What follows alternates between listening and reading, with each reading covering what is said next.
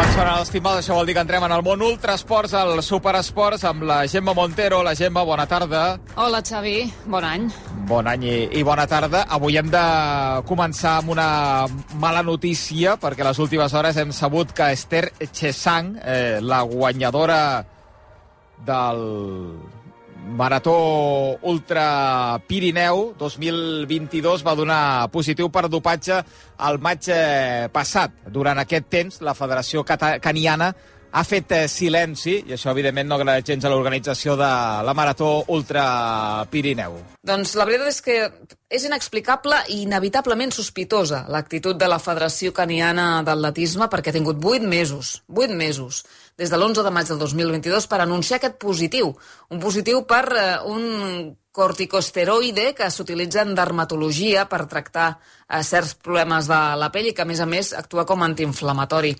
Des de l'11 de maig, la Federació Caniana ha callat ha callat i no ha estat fins avui mateix que ha fet pública la llista de corredors que han donat positiu amb la presència d'Esther Chesang.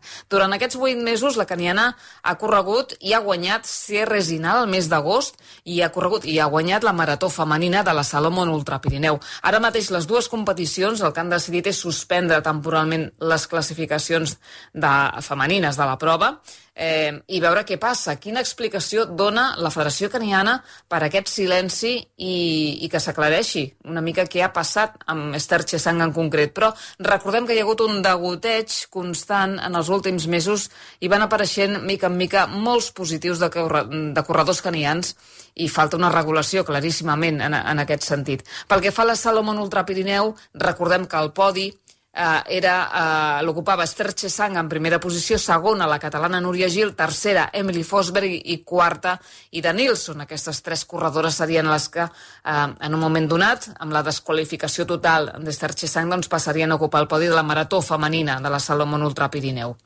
Dèiem que hi ha un degoteig constant també en homes i en dones. De fet, ara mateix, els dos guanyadors de Sierra Zinal estan suspesos per dopatge. Esther Chesang i Marc Ongogó. En el cas de Can Gogó es va saber el seu positiu el mes d'octubre, un parell de mesos després de la prova. Va ser més ràpid en aquest sentit. Mm, l'home que porta Esther Chesang a Europa, un valencià, l'Octavio Pérez, eh, no tenia constància d'aquest positiu. És a dir, hi ha hagut molt silenci per part de la Federació Caniana eh, al voltant d'Esther Chesang. Per això és tan sospitós i és molt evident que hi ha hagut eh, un, doncs, eh, una intencionalitat, o si més no, que Chesang ha actuat sota el paraigües eh, del que eh, des de fa anys doncs, anomenem dopatge d'estat, quan hi ha un consentiment per part dels estaments oficials d'un país perquè això es faci realitat i sigui possible que un corredor eh, que ha donat positiu continuï competint. Per què no hi ha una regulació? Doncs ja sabem que el trail és un esport molt desendreçat eh, en quant a federacions, en quant a circuits, en quant a competicions, eh, i, i falta, fa molta falta, doncs que hi hagi um, una regulació en quant uh, a un reglament antidòping i que uh, es trobi la manera de subvencionar aquests controls, si més no en els circuits internacionals, on s'està portant cada vegada més diners i aquest efecte crida. Recordem que, eh, que una persona, que un corredor canià o caniana guanyi una prova amb uns certs eh, nivells eh, econòmics, estem parlant de potser 5.000, 10.000, 15.000 euros, aquests diners per ells els suposa solucionar la vida, no només la seva, sinó de les seves famílies. I és per això que recorren a eines eh, els recursos eh, il·legals, com és aquest cas. Estem a l'espera de veure què passa, què passa, que, quina explicació dona la Federació Caniana al, al silenci, als terminis que han fet servir eh, per, per desvelar aquest positiu d'Ester Chesang i què passa mm, amb la Federació Caniana d'Atletisme. Durant les pròximes setmanes parlarem amb els responsables i veurem també quina solució pot haver-hi en aquest cas passa per posar ordre en tots aquests estaments i posar una mica d'ordre en el trail en general. Doncs en properes edicions de l'Ultrasports més detalls d'aquests positius que no ens agraden gent i que estan esquitxant també al món del trail.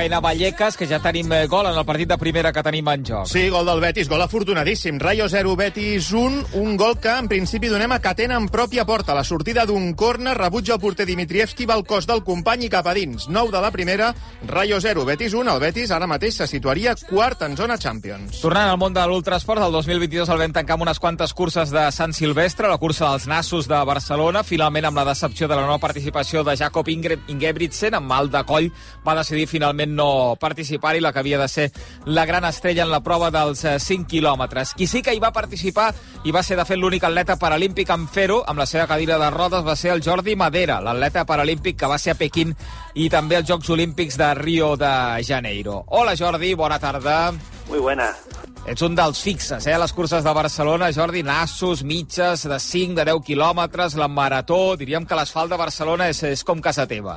Sí, para mí es, es un, un, orgullo poder eh, estar corriendo por, por, considero yo que es, que es mi casa. Sino, siempre estoy durante todo el año compitiendo fuera de, del país y yo poder competir en, en, casa y una ciudad que te acoge y, con la carretera y el público, pues siempre es de, de agradecer mm. correr en, en Barcelona. El Jordi Madera, que té 42 anys, que és de les eh, franqueses del, del Vallès. Com has arrancat aquest 2023, Jordi? Com s'afronta aquest any? Bueno, pues con mucha, con mucha motivación porque entramos en, en, en año preolímpico y, y el objetivo está, está muy presente y entonces eh, la motivación se, se suma a, al trabajo que, que, tengo por delante para, para poder construir otra vez eh, ese ciclo olímpico y, y con, con muchas ganas, con mucha ilusión. Mm. Hem d'aclarir, hem d'explicar a tothom que tu vas tenir un accident quan tenies 20 anys, que et va lesionar medularment, de gravetat, i va ser a l'Institut Goodman, no?, que vas conèixer l'esport adaptat. Va ser allà? Sí, bueno, no, no 100% de atletismo, eh, practico otros deportes. El que más se, se practica cuando sales de, de, de una lesión así es el básquet adaptado. Y en mi, en mi caso pues hice natación, hice tiro con arco, ping-pong, eh, pero el atletismo no, no lo llegué a practicar, lo practiqué justo cuando salí eh, del de, Instituto Guzmán, que un compañero de habitación había, le habían dado ya de alta dos meses antes que, que yo y bueno, me, me comentó de que de que en Granollers había un club y que, que allí estaba haciendo atletismo y que me pasara para, para poder verlo. Y la verdad que cuando fui a, a verlos y vi la estética que tiene una silla de atletismo y cómo daban vueltas en, en, en la pista, pues me, me atrajo mucho y ya empecé a practicarlo. Mm. Tu eh, competeixes amb cadira d'atletisme, perquè la majoria de gent potser té en, en ment el que és una handbike, no?, de, de ciclisme. Eh, sí. En el teu cas, no, no és molt diferent, però és atletisme adaptat. Sí, sí. Lo otro es, eh, la handbike es ciclismo adaptado, eh, es bastante más fácil que el, que, que el atletismo. Ahora actualmente pues eh, cualquier persona que sale de una lesión medular completa pues es más fácil practicar el, el handbike que, que el ciclismo, bueno, que el atletismo adaptado. I per què vas triar eh, aquesta opció? Pues quizá porque es un deporte que, que es sacrificado, sino es bastante duro.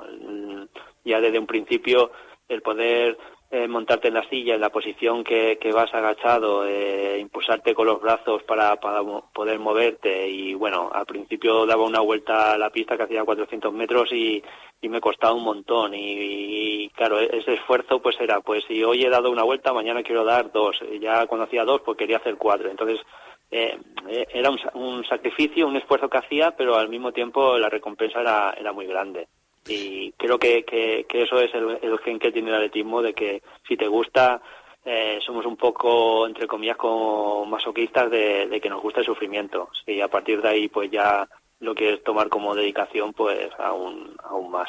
Eh, sí, eh, és, és cert, és una de les màximes que comparteixen atletes de trail, d'asfalt i, de, i de tot, no? El, el patiment va intrínsec amb, amb, amb l'esport i a gaudir-lo i patir-lo de vegades per parts iguals. Això et passa amb 20 anys i entenc que et salva una mica mentalment l'esport? Eh, sí, sí, sí, totalmente. Si no, yo me agarré al deporte como de rehabilitación, porque en ese momento, pues, eh, tu cuerpo tiene una transformación, ya tienes que que de cintura para arriba pues tienes que, que, llevar lo que es de cintura para abajo que no tienes movilidad. Entonces, eh, para mí, mm, tan joven, yo, mi visualización y, y, ver mi discapacidad era que, intentar potenciar pues mi, mis brazos para poder hacer eh, mi día a día de, de, de, mi cuerpo. Entonces, a partir de ahí, pues eh, fue cuando el, deporte entró en, mi vida más más de lleno, sino a mí siempre me gusta practicar deporte, quizá en los deportes que yo siempre he practicado ha sido deportes de equipo, pero en esta ocasión, pues, eh, cuando te ves en una, una, lesión así, pues eres tú solo que tienes que estar eh, preparándote para pa el día a día y, bueno, eso es lo que cuando probé el atletismo fue también una de las cosas que creo que, que, que me ha ido bien para, para ser eh, pues la persona que soy hoy en día y, y lo grande que he sido como, como atleta que sigo siendo, pienso yo, hacia lo personal. Mm -hmm. Entenc que tu en el teu dia a dia vas en cadira de rodes, no? en un dia normal, a la teva vida quotidiana, però com ho fas per, per entrenar? Perquè, clar, no tens l'asfalt eh, lliure, com passa en una cursa, eh, per poder fer quilòmetres i quilòmetres. Sí, la verdad que sí, la verdad que, que bueno, ya con todos los años eh, eh, tengo mi zona de entrenamiento, que es en, un, en un polígono, que por suerte pues es un polígono que es bastante grande y entonces allí puedo sumar kilómetros. Casi los trabajadores, los transportistas ya casi me conocen porque ya es de cada año que paso por ahí. Eh, dos o tres carreteras que tengo aquí en, las franquesas que, bueno, eh, hay tráfico pero no tanto porque son carreteras comarcales, pero sí que es verdad que un poco un poco difícil a veces se hace porque los circuitos son muy repetitivos lo que hago y, y no hay apenas carriles bicis que sean adaptados para, para, para poder utilizarlos en, en, velocidades un poco altas. Si no habrá carriles de bicicleta que están que tienes que subir un bordillo, tienes que bajarlo y entonces por ahí no, no puedo ir y yo tengo que ir por la carretera. Y bueno, esa, esa hacerte un poco. Ya me he hecho a esta, a esta situación y, y bueno, como cualquier otro deportista que vaya en bicicleta y, y su, su, su, puesto de trabajo en la carretera, pues yo, yo lo asimilo así y, y con la máxima precaució. I t'ha costat molt trobar aquests espais per, per poder entrenar-te, preparar-te com cal per, per competir al màxim o no?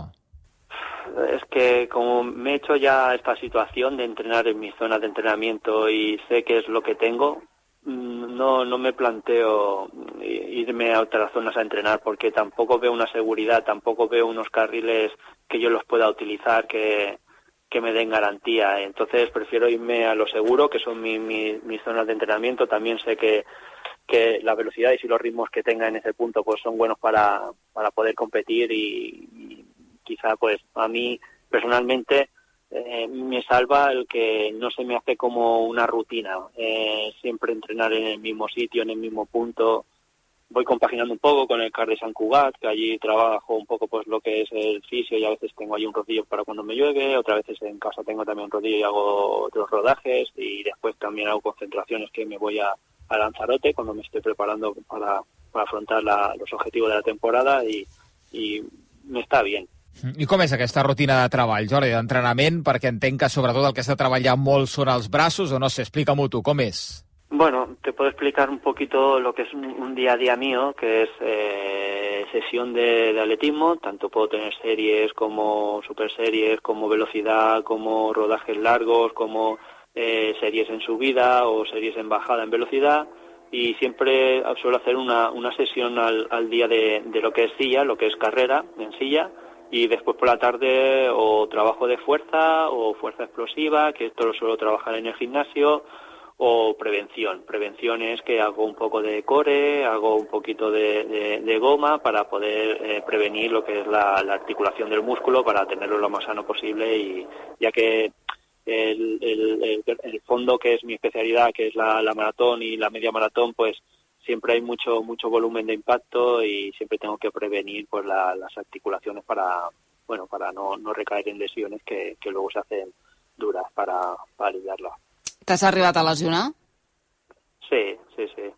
¿Qué has tingut? que, eh, estoy operado de los dos hombros y ahora mismo estoy saliendo de, de, de, una operación que se me está haciendo muy larga. Ya llevo ya más de un, un, bueno más de un año y medio que, que me, me, me rompí el, el, bíceps y bueno tengo un poco de desgaste del cartílago y, y ahora cuando vienen los tiempos así de frío y tal pues me, me, me, cuesta un poquito entrar en calor el hombro recaigo un poquito en un poco de molestias cuando tengo que descansar pero bueno es, es como digo yo un poco de chapa y pintura y, y ya habrá tiempo para parar Els metges no et recomanen que paris, o sí?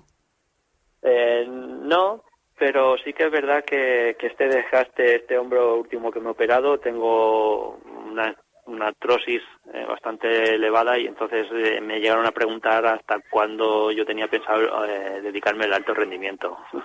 y yo, bueno, le dije que de momento no estoy preparado para, para dejarlo, tengo mucha motivación y, y, ganas de seguir rindiendo, pero a veces hay una realidad y la realidad es que el físico si no te acompaña en el alto rendimiento eh, sufres mucho y bueno de momento voy con ilusión, con motivación, trabajo en el CAR con los fisios, con los médicos para intentar aliviar un poco lo que son molestias y fortalecerlo todo lo que pueda para per a ir compitiendo. Mm, T'ho van preguntar amb tota la intenció, eh, Jordi, suposo, allò de... Sí, eh, quan sí. tens pensat aturar-te, no? Però clar, la decisió Sí. és teva, només teva. Sí, porque en el deporte eh, paralímpico, pues la verdad que depende qué modalidad que practiques, pues la, la, edad pues puede influir, ¿no? En el deporte olímpico, pues cuando una persona ya pasa una cierta edad, pues ya se ya eh, representa que ya se le está terminando su, como su ciclo, ¿no? De alto rendimiento y en el deporte paralímpico, pues gracias a Dios, depende qué deporte practiques, pues lo puedes alargar más, si no no influye tanto tanto la edad y, en mi deporte, pues hay gente joven que, que bueno que está sorprendiendo mucho y también hay gente con una cierta edad mm, grande que también eh, están haciendo buenos buenos resultados y, y quiere decir que, que de momento pues a la edad que tengo yo pues todavía creo que tengo unos cuantos años para, para poder seguir compitiendo. De fet, a la teva edat, eh, insistim, 42 anys, i al Sí, llarg d'aquesta sí. trajectòria tu acumules rècords d'Espanya. En els 800 metres, per exemple, als 10.000, a la mitja marató. Dius que la teva especialitat és mitja i marató, no? Sí, sí. La mitja, si no m'equivoco, la tens en 43 eh, minuts Sí. i la marató en una hora 22 minuts 18 segons. Sí. perquè la gent es faci una mica la idea de la rapidesa eh, amb què, clar, porta rodes, la rapidesa amb la que mous els braços per, per fer això. Tu creus que podràs rebaixar aquestes marques? Bueno, me gustaría, me gustaría, eh, la verdad es que me gustaría poder estar otra vez en esas marcas. Lo único que, que, que ahora está sucediendo en, en, en- bueno, llevamos como unos cuatro o cinco años que, que, que gracias a Dios, pues eh, las grandes maratones de la, de las mayor series, que son las más importantes que hay mundiales, pues cuentan con nosotros como categoría y cada vez hay más dinero económico de premios y eso hace que las carreras sean más tácticas, que ya cuando ya hay una cierta cifra y, el nivel está muy igualado, pues la gente intenta dosificarse lo, lo máximo posible para, para sacarle beneficio pues a nuestra carrera deportiva, que, que es nuestro medio de ingreso.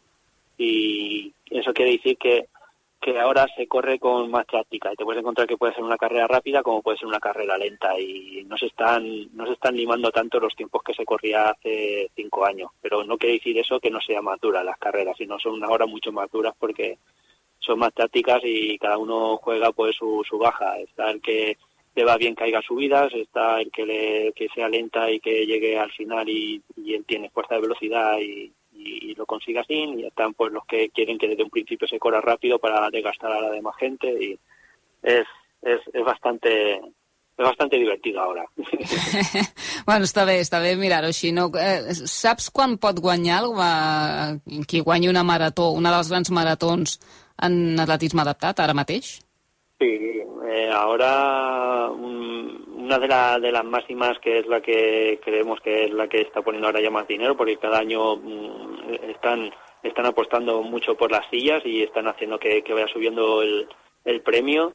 Es la, la maratón de, de Londres que está entre unos 25 mil dólares aproximadamente 25 mil 30 eh, creo que a lo mejor este año ya pueden llegar a los 30, porque cada año nos están subiendo la, la- que es la premación, porque bueno, es una maratón muy muy fuerte y, económicamente pues la organización que lleva la categoría de silla ruedas está intentando buscar una igual una que haya una igualdad con, con, los corredores de a pie y, ahí están están consiguiendo que cada año pues se, se valore más, salimos más por la televisión para que se haga más visible nuestro deporte y que se vea que, que es professional i que és un deporte bonito de ver si, si la gent lo conoce. Doncs déu nhi no, està, no està gens malament. Eh, Jordi, tema Jocs Paralímpics. Eh, vas competir els de Pequín, també els de Rio de Janeiro. És el millor que t'ha passat, diries, esportivament parlant? Sí, sí, sí. Los primeros fueron muy especiales. Ir a unos juegos fue, pues fue, pues, eh, mi, mi primer ciclo olímpico, sino yo cuando empecé a practicar el atletismo había un chico en el club que iba a ir a, los Juegos de, Atenas y, yo viví pues su, su año de, preparación para ir a los Juegos, vi lo, profesional que era y a mí me motivó para, para decir, bueno, tengo cuatro años, casi cinco años para los próximos Juegos y yo quiero estar ahí. Y, y bueno, con mucho trabajo, mucho entrenamiento, cambiando todos mis ámbitos, haciendo alimentación, eh, era joven y pues mm, hacía cosas que, que, a lo mejor pues cuando no me bueno cuando los amigos salían pues yo a lo mejor me quedaba descansando en casa y ese sacrificio pues me dio la recompensa de ir a unos juegos y disfrutar los que fueron espectaculares. Ya a partir de ahí pues ya empezó a ser un pues un, un, un modo de vida que, que, que para mí pues eh, repetir otra vez en, en, Río de Janeiro en la prueba de maratón que iba preparado para, para poder hacerla y, venirme con un diploma olímpico cuando estás disputando una prueba donde hay más participación en todas las categorías, sino el atletismo en silla de ruedas es donde hay más participación, tanto en otras modalidades como natación o ciclismo es donde hay más, más nivel y, y yo venirme con un diploma pues es lo máximo y y también es una recompensa hacia, hacia mi familia y, mi, y mis amigos que, que son los que te están el día a día ahí animando y apoyándote.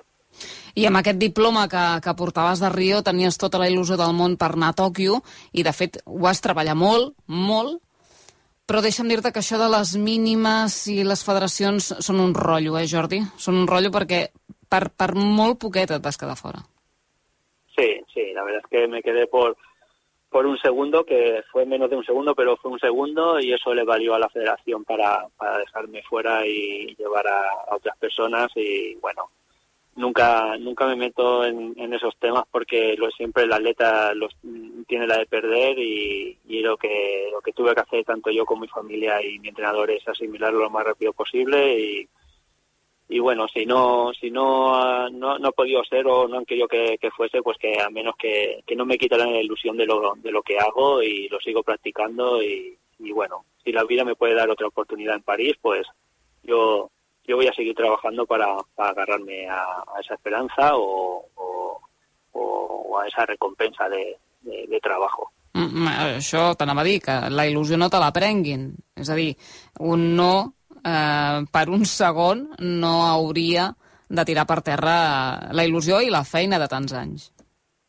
Sí, sí, la verdad es que, en ese aspecto yo eh, no sé si es mi, mi, mi virtud que tengo, sino mentalmente yo me considero una persona muy muy fuerte y que cosas así pues no, no me afectan para poder seguir haciendo lo que lo que me gusta y, seguir motivado para, cualquier objetivo. Sino yo sé que eh, París está ahí en 2024, pero yo este año afronto, afronto la temporada con, con, con otras maratones y, y, es como te comentaba, meternos en la categoría de silla ruedas en, las mayor series, que corro la maratón de, de Berlín, de, de, Nueva York, de Boston, de Chicago, Londres y, y Tokio, este, esta de Tokio eh, no, no, voy a no voy a participar, pero en las otras sí y, y y son maratones que son tan famosas que, que, que es como si hiciéramos uno, unos Juegos Olímpicos. Mm. Porque y... hasta nos podemos encontrar que hasta en los Juegos Paralímpicos no haya tanta tanta tanta gente o tanto público que nos gustaría como, como la gente olímpica. I tu que has voltat tant pel, pel món, fent maratons i altres proves, per tu, en el cas de la marató, quina és la millor? Para mí, la mejor. No sé, tengo mucho, tengo muy buenos recuerdos en, en, una maratón que se celebra en el, en el sur de, de Japón, que se, es una ciudad que se llama Oita, que la organizan exclusivamente solamente para, para los sillas de rueda. Y acostumbrado a hacer carreras donde nos encontramos a lo mejor un volumen de 60, 70 corredores en silla, pues bueno, eh, te estoy diciendo en extranjero, ¿eh? porque aquí Nacional, pues lastimamente, eh, bueno, con, con mucha lástima estas palabras te, te, las digo porque está desapareciendo, si no me encontré corredores de cuando se enteraron que yo no fui a, Tokio por, por, cosas injustas porque me valoran el nivel que tengo y soy un top 10 de, de ranking mundial, pues eh, hubo gente que hasta dijo, ¿para qué practico este deporte si, si, si no voy a ir a... si no, no tiene futuro? Y entonces eso me dolió a mí mucho. ¿Y por qué dius que y... està desapareixent, Jordi? Porque, bueno, no, no, no, hay, no hay apoyo de las federaciones, eh, no se hizo visible ninguna ninguna silla de, de, atletismo en los Juegos Olímpicos, ni en pista ni en, ni en ruta y la gente si eso tú no lo ves no tiene esa motivación a mí me a mí me sirvió para llegar a ser olímpico y ser el atleta que soy porque yo viví a una persona que estaba viviendo los Juegos Olímpicos y que después yo lo vi desde mi casa, lo vi por la tele, cómo hizo sus pruebas y yo dije, pues yo quiero ser como él. Si, si ya salimos desde ese punto de partida, que ahora mismo pues no, no, no tenemos el recurso de las federaciones, no hay promociones para que la gente pueda practicar esto tanto en hospitales como en colegios o, o en comunidades con gente con discapacidad, pues eh, el atletismo está perdido. Sino yo, que me perdonen todos los, los handbys, los que hacen ciclismo adaptado, pero eh, a veces eh, haciendo un poco la broma les digo que es el cáncer del atletismo porque la gente ya no quiere practicar atletismo y se van directamente al, ciclismo porque ahora mismo es un deporte que, que está subiendo mucho su, su práctica y claro, es un poquito más, más fácil de, de, practicarlo y entonces la gente pues mm, salen de un accidente y se van a una cosa que no sea muy sacrificada, sino ya luego cada uno pone el nivel de sacrificio en, en, en su deporte o en lo que quiera practicarlo, pero el atletismo a través de federaciones no están haciendo nada y después no al, al no haber presencia en los Juegos Olímpicos pues tampoco hay después ayudas por el Comité Paralímpico Español para que hayan subvenciones o proyectos o concentraciones para que gente joven o gente que esté empezando pues que lo puedan que lo puedan practicar o que puedan coger consejos de los que lo estamos practicando y, y claro es todo un, una rueda que si desde un principio no gira pues és impossible que eso avance.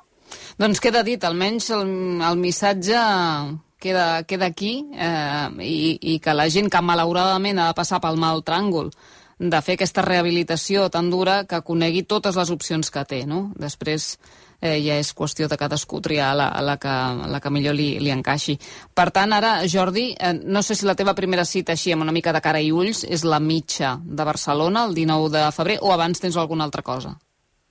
Bueno, siempre disfruto porque cuando me has preguntado qué maratón y con todo lo que compito, sí que la verdad que, que tengo la maratón de la Micha de Granollers y, uh -huh. y es donde donde paso por, por mi barrio, por toda la gente y aunque salga yo yo solo corriendo porque no no no vienen más atletas, para mí es un orgullo de que todos mis vecinos, la gente mayor, todos los que me han visto crecer, pues el, el, el, el dedicarle esos esos kilómetros que hago a ellos y, y ellos lo, los ánimos que me dan, eso para mí es es vida para, para empezar la temporada y, y, disfrutar como objetivo así un poco más cercano y más serio hacia competiciones la maratón de, de Sevilla.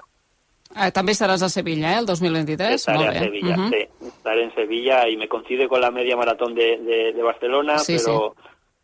en esta ocasión mmm, voy a Sevilla porque es, es, donde empiezo a buscar un poco el ritmo con otros atletas, a ver dónde estamos, dónde empezamos. Eh, i voy a Sevilla.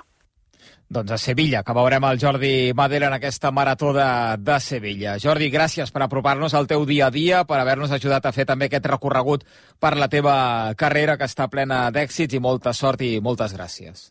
Muchas gracias.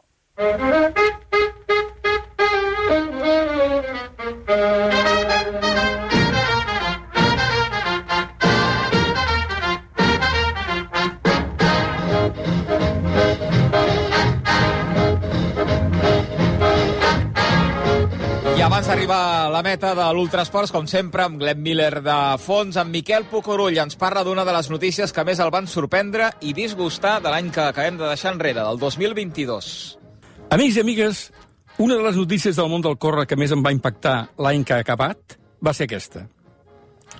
Un destacat corredor d'una mitja marató d'un poble de València, que anava primer, sobradament, s'atura davant de la cinta de l'arribada. Mira el seu cronòmetre i no traspassa la línia fins una estona després, acabant en 1 hora 08.45. La raó tenia a veure amb el rècord de la cursa. El guanyador s'emportava un premi de 150 euros per batre'l.